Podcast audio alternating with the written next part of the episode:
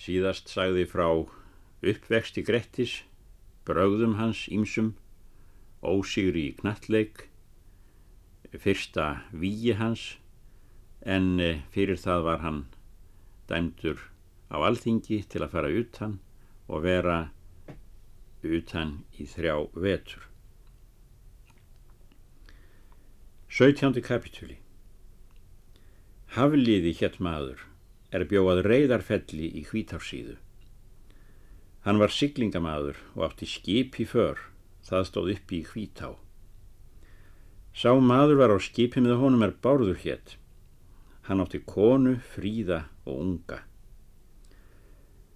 Ásmundur sendi mann til Hafliða að hann skildi taka við Gretti og sjá um með honum. Hafliði hvað sér sagt að maðurum væri vanstiltur, en fyrir sakir vináttu þeirra ásmundar tók hann við Gretti, bjóst hann þá til utanferðar. Engin vildi ásmundur fararefni fá honum, utan haf nest og lítið af vaðmálum. Grettir bað hann fá sér vopn nokkuð. Ásmundur svarar, Egi hefur þú mér hlýðin verið. Veit ég og eigi hvað þú munur það með vopnum vinna er þart er. Mun ég og þau eigi til láta. Grettir mælti. Þá er eigi það að launa sem eigi er gert. Síðan skildu þeir feðgar með litlum kærleikum. Margir báðu hann vel fara en fáir aftur koma. Móður hans fylgd honum á leið og áður þau skildu mælt hún svo. Egi ertu svo af gardi ger, frændi, sem ég vildi. Svo vel borin maður sem þú ert. Íkir mér það mest á skorta að þú hefur ekki vopn. Það er neitt sé. En mér segir svo hugur um að þú munur þeirra við þurfa. Hún tók þá undan skikju sinni sverð, búið, það var allgóður gripur. Hún mælti þá, sverð þetta átti jökull, föðurfaðir minn og hinn er fyrri vastælar og var þeim sigursælt. Vil ég nú gefa þér sverðið og njót vel. Grettir þakkaði henni vel gjöfina og hvað sér þetta betra þykja en aðrir fjemunir þótt meiri væru. Síðan fór hann veg sinn en ástís bað honum margra virta. Grettir reið söður um heiði og létti eigi fyrr en hann kom söður til skips. Hafliði tók vel við honum, fann hann Gretti og spurði að fararefnum hans. Grettir hvað vísu. Þar hvaðst hann telja að hinn er auðugumenn hafi búið hann snauðan að heiman. Hins vegar hafi hinn dugandi kona með sverðsgjöfinni látið sannast fornan orðskvið að móðir er barni best. Hafliði hvað það sínt að henni var mest um hann hugað. Letu þeir í haf þegar þeir voru búnir og byrgaf og er þeir komu út yfir grunn öll undu þeir segl. Grettir gerði sér gröf undir bátinum og vildi þaðan hvergi hræra sig, hvorki til austra, nýjað segli að vinna og ekki starfa, það sem hann átti að skipi að gera til jafnaðar við aðra menn. Egi vildi hann og kaupa af sér. Þeir sigldu söður um Reykjanes og svo söður fyrir land og er landið var horfið fengu þeir rétt mikinn, það er rakning. Skipið var heldur lekt og þoldi illa réttin, fengu þeir vós mikið. Grettir létt þá fjúka í kviðlinga. Það líkaði mannum stór illa. Einn dag var það að veður var bæði hvast og kallt, þá kölluðu sveinar, báðu Grettin úr duga, því oss kólnar á klónum. Grettir leit upp og mælti. Happ er það ef hér skal kropna hver fingur á kyrpingum, þar að segja vesalmennum. Ekki fengu þeir af honum starfan og líkaði nú verð en áður og hvaðu hann skildi taka gjöld á sjálfum sér fyrir nýð sitt og lögleysu þá er hann gerði. Þykir þér betra sögðu þeir að klappa um kviðin á konu bárðar stýrimanns en að gera skilduðinn á skipi og er slíkt óþólanda. Veðrið gekk upp að eins stóðu þeir þá í austri svo að dægurum skipti. Þeir heituðust þá við Gretti og er hafliði heyrði þetta, gekk hann þar að er Gretti lág og mælti. Egi þykir mér samkeipi eðar kaupmanna gott. Þú gerir þeim ólög, en nýðir þá á svo gert ofan, en þeir heitast að steipa þér fyrir borð, nú er slíkt ótiltækilegt. Hví munu þeir eigi ráða tiltektum sínum, hvað Grettir, en það vildi ég að eftir dveldist einn eða tveir hjá mér áður ég gangi fyrir borð. Slikt er ógeranda, saði Hafliði, mun oss aldrei vel gefa ef þér berist þetta fyrir. Það er að segja hafi þetta í higgju. Mun ég leggja ráð með þér. Hvert er það, segir Grettir. Þeir finna að við þig að þú nýðir þá. Nú vil ég, segir Hafliði, að þú kveðir til mín nokkra nýðvísu og má vera að þeir umberi betur við þig. Aldrei hveð ég til þín, saði Grettir, utan gott. Ger ég þig ekki líkan kirpingum. Hafliði meldi. Hveða má svo að fegri sé vísan ef grafin er, þótt fyrst sé ég allfögur. Þetta hef ég og nægst til, saði Grettir. Hafliði fór til þeirra skipferja þar sem þeir voru að auðsa og mælti. Mikið er erfið ykkar og vonaði yður líki illa við gretti. Verrið þykja oss kviðlingar hans en hvað vettna annað, segja þeir. Hafliði mælti þá hátt. Hann mun og illa af því fara um síðir. En er grettir heyrir Hafliða ámæla sér hvað hann vísu. Í vísunni kallar Grettir Hafliða Háværan og segir meðal annars að nú sé orðin umskipti frá því er hann átt drabla heima á reyðarfelli. Kaupmönnum þótti all ítla og sögðu að hann skildi eigi til einski skera að nýða Hafliðabonda. Hafliði mælti þá. Nóa hefur Grettir verið leika til þess þótt þér gerðuð honum nokkra smán en eigi vil ég hafa sæmt mína í veði til mótsvið ítgirni hans og forsjáleysi. Nú munum við þessa ekki að sinni hefna, meðan við erum í svo miklum háska stattir, en minnist þess að þá er þér komið á land ef við líkar. Þeir svöruðu, mun oss segi meiga sem þér, hvað mun oss heldur býta nýð hans en þig, Hafliði bað, bað þá svo gera. Þaðan frá vönduðu skipsmenn miklu miður um kviðlinga en áður. Þeir höfðu harða útivist og langa. Komið þá lekar að skipinu, tókum en þá að líjast mjög á erfiði. Stýrimanns kona, svo hinn unga, var því jafnan vön að sauma að höndum gretti. Það er þrengja ermar að unliðum og höfðu skipferjar það mjög í fleimingi við hann. Það er kalsi. Hafliði gekk þar til er grettir lág og hvað vísu. Hann bað Gretti standa upp, því skipið risti djúft, segir hann að konan hinn gladværa vilja að hann gangi nú vel fram. Grettir stóð skjótt upp og hvað og í vísunni segist Grettir muni uppstanda því að konan hinn bjarta og ágæta muni una því illa ef hann láti aðra vinna fyrir sig. Síðan hljóp hann aftur til þar er þeir voru að austrinum og spurði hvað þeir vildu að hann gerði. Þeir sögðu hann lítið gott gera mundu. Hann sagði, munur er að manns liði. Hafliði bað þá eigi neyta liði hans má vera að hann þykist leysa sínar hendur ef hann býður liðsitt. Þá var ekki dælu austur á hafskipum. Kölluðu menn það byttu austur eða stamp austur. Hann var bæði vorsamur og erfiður. Skildi þar hafa byttur tvær, fór þá önnur niður er önnur fór upp.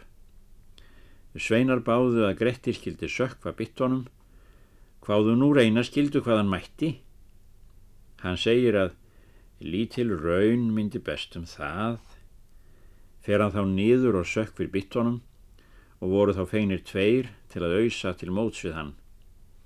Hjeldust þeir eigi lengi við, áður þeir voru yfirkomnir af mæði. Þá gengu til fjórir og fór allt á sömu leið. Svo segja sumir menn að átta jósu þeir við hann áður en lauk, var þá og upp auðsið skipið. Þaðan af skiphaðist mjög um orðalag kaupmanna við Gretti, því að þeir sáu hvað hann áttu undir sér fyrir aflssakir. Var hann og þaðan í frá hinn freknasti til liðs hvers sem við þurfti. Ber þá nú austur í haf, lágu á myrkur mikil, fundu þér eigi fyrr eina nótt en þeir sigldu upp á sker skipinu, svo að undan gekk undir hluturinn. Var þá hrundið bátnum og fluttar af konur og allt það er laust var. Þá var holmur lítill skamt frá þeim og færðu þeir þangað föng sín sem þeir komust við um nóttina.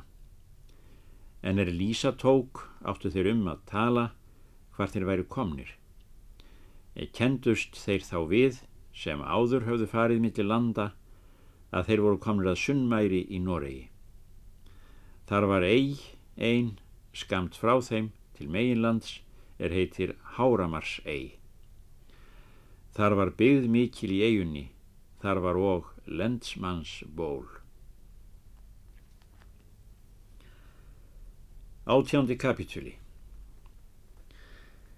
Þorfinnur, hétt lendur maður, sá er átti bú þar í eigunni.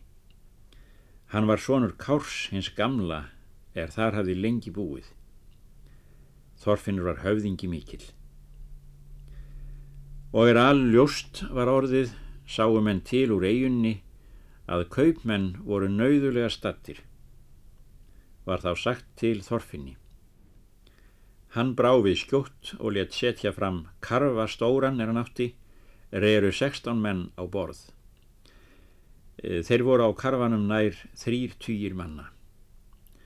Fóru til sem hvatast og burgu fjö kaupmanna en hafskipið sökk nýður, týndist þar mikið gós. Eh, Þorfinnur flutti alla menn af skipinu til sín, voru þeir þar viku og þurkuðu varningsinn. Síðan fóru kaupmenn söður í land og eru þeir úr sögunni. Eh, Grettir varð eftir hjá Þorfinni og let lítið um sig. Hann var fátalaður lengstum. Eh, Þorfinnur let gefa honum mat og gaf sér ekki mikið að honum. Grettir var honum ófylgjusamur og vildi eigi ganga með honum úti á daginn. Það líkaði Íllaþorfinni en nefndi þó eigi að kviðja honum mat. Það er neyta honum um mat.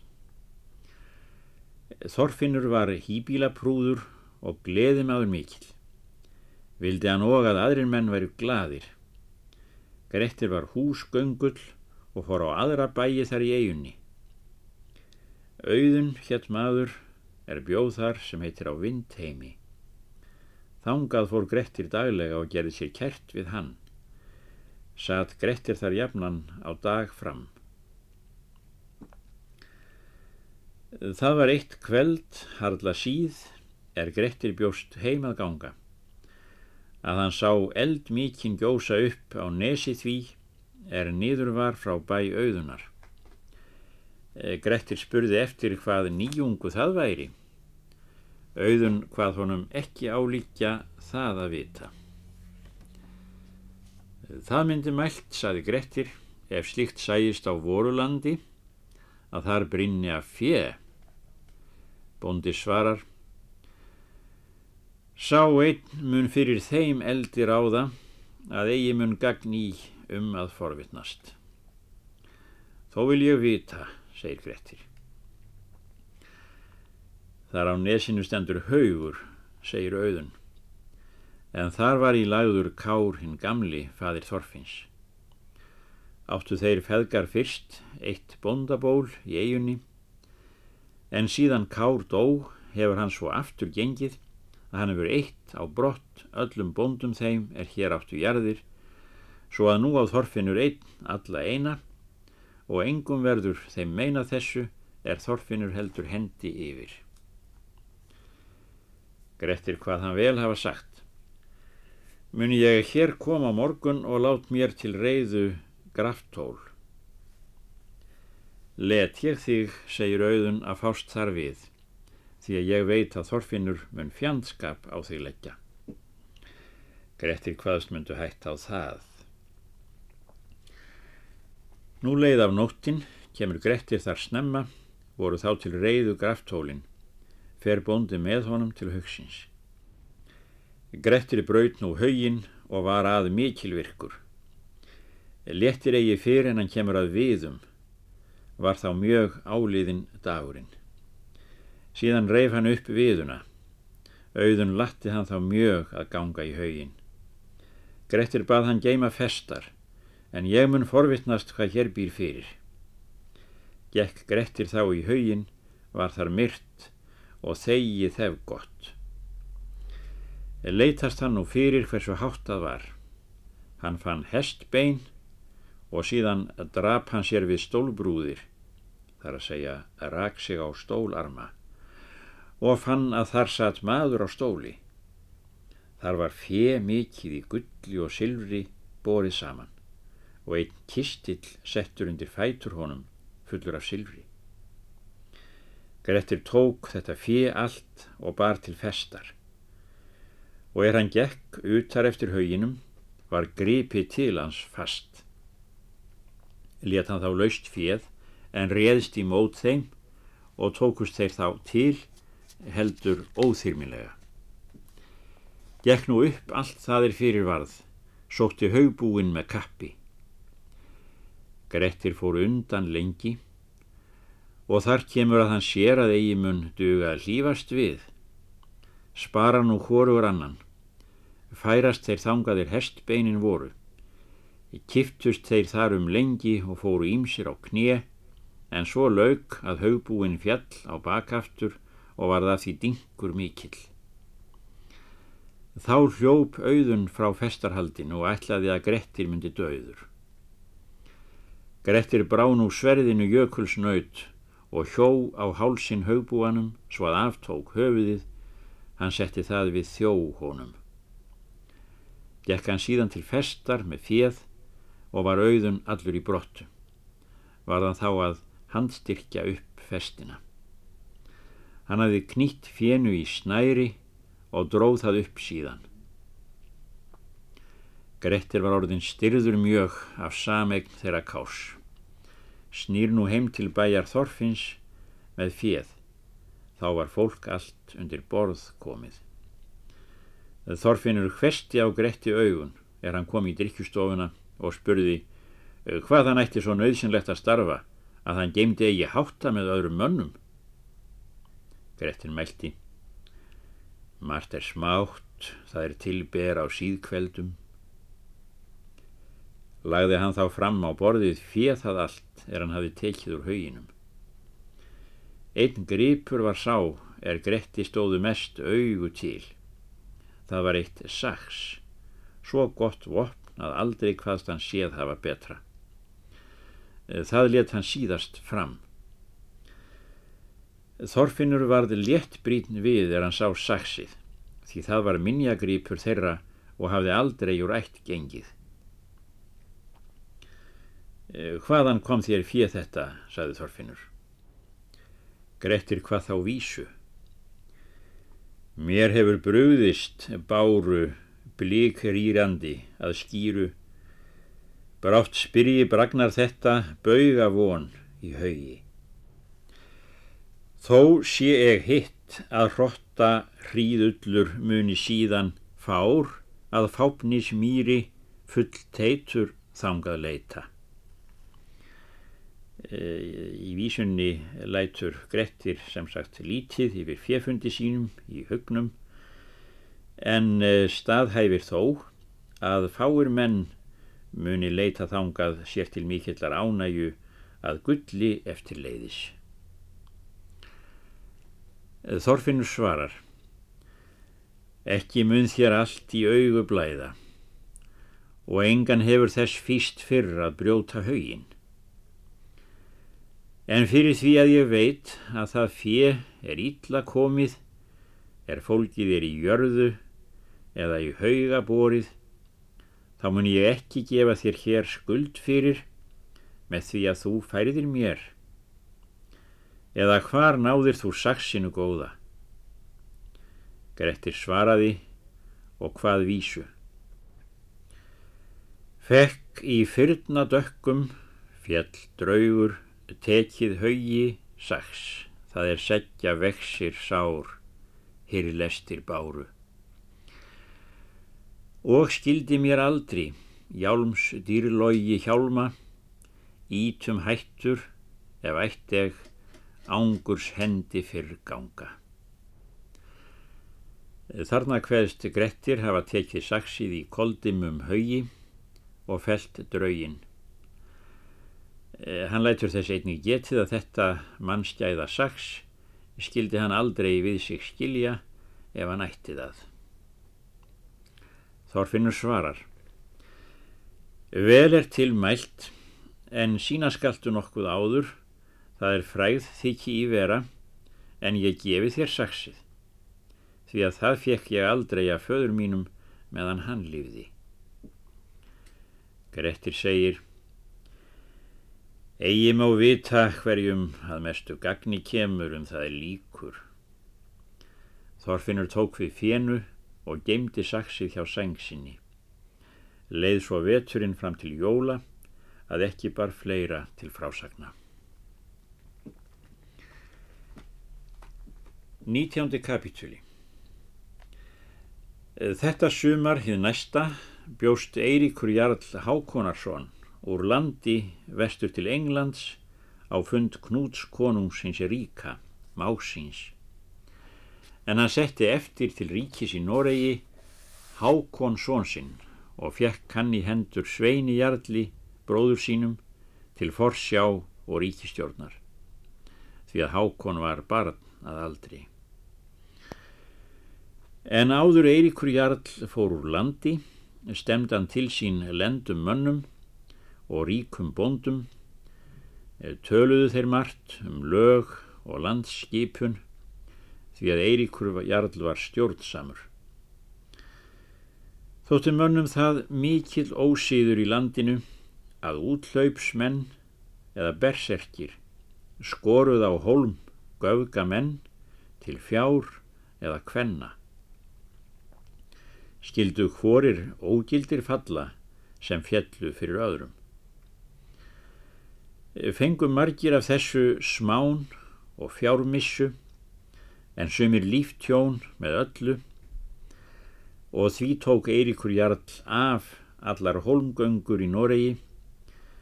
Hann gerði og útlaga allar ránsmenn og berserki þá er með óspektir fóru.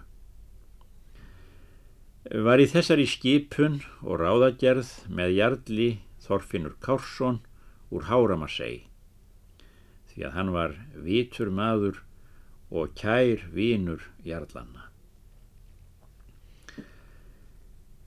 Tveir bræður eru nefndir til að verstir voru. Hétt annar þórir þömb en annar augmundur ylli.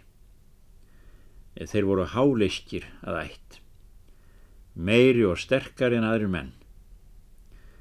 Þeir gengu berserskang og eirðu engu þegar þeir reytust. Þeir tók á brott konur manna og dætur og höfðu við hönd sér viku eða halvan mánuð og færðu síðan aftur þeim sem áttu. Þeir ræntu hvar sem þeir komu eða gerðu aðrar óspektir. Eiríkur Jarl gerði þá útlæga fyrir endilangan Noreg. Gekk Þorfinnur mest manna fyrir sekt þeirra. Þóttust þeir eiga honum fullan fjandskap að gjalda. Síðan fór Jarl úr landi sem segir í sögu hans en Sveitn Jarl hafði yfirvald í Noregi og ríki. Þorfinnur fór heim til bús síns og satt heima mjög til jóla sem fyrir sagt. Í móti jólum býst Þorfinnur að fara til bús síns þangað sem heitir í Slísfyrði. Það er á meginlandi hafði hann bóðið þangað mörgum vinum sínum. Húsfreyja Þorfinns mátti eigi fara með bonda því að dóttir þeirra frumvaksta lág sjúk og voru þær báðar heima. Grettir var heima og húskarlar átta. Þorfinnur fór nú við þrjá tugi frelsingja til jólaveislunar var þar hinn mesti mannfagnaður og gleði.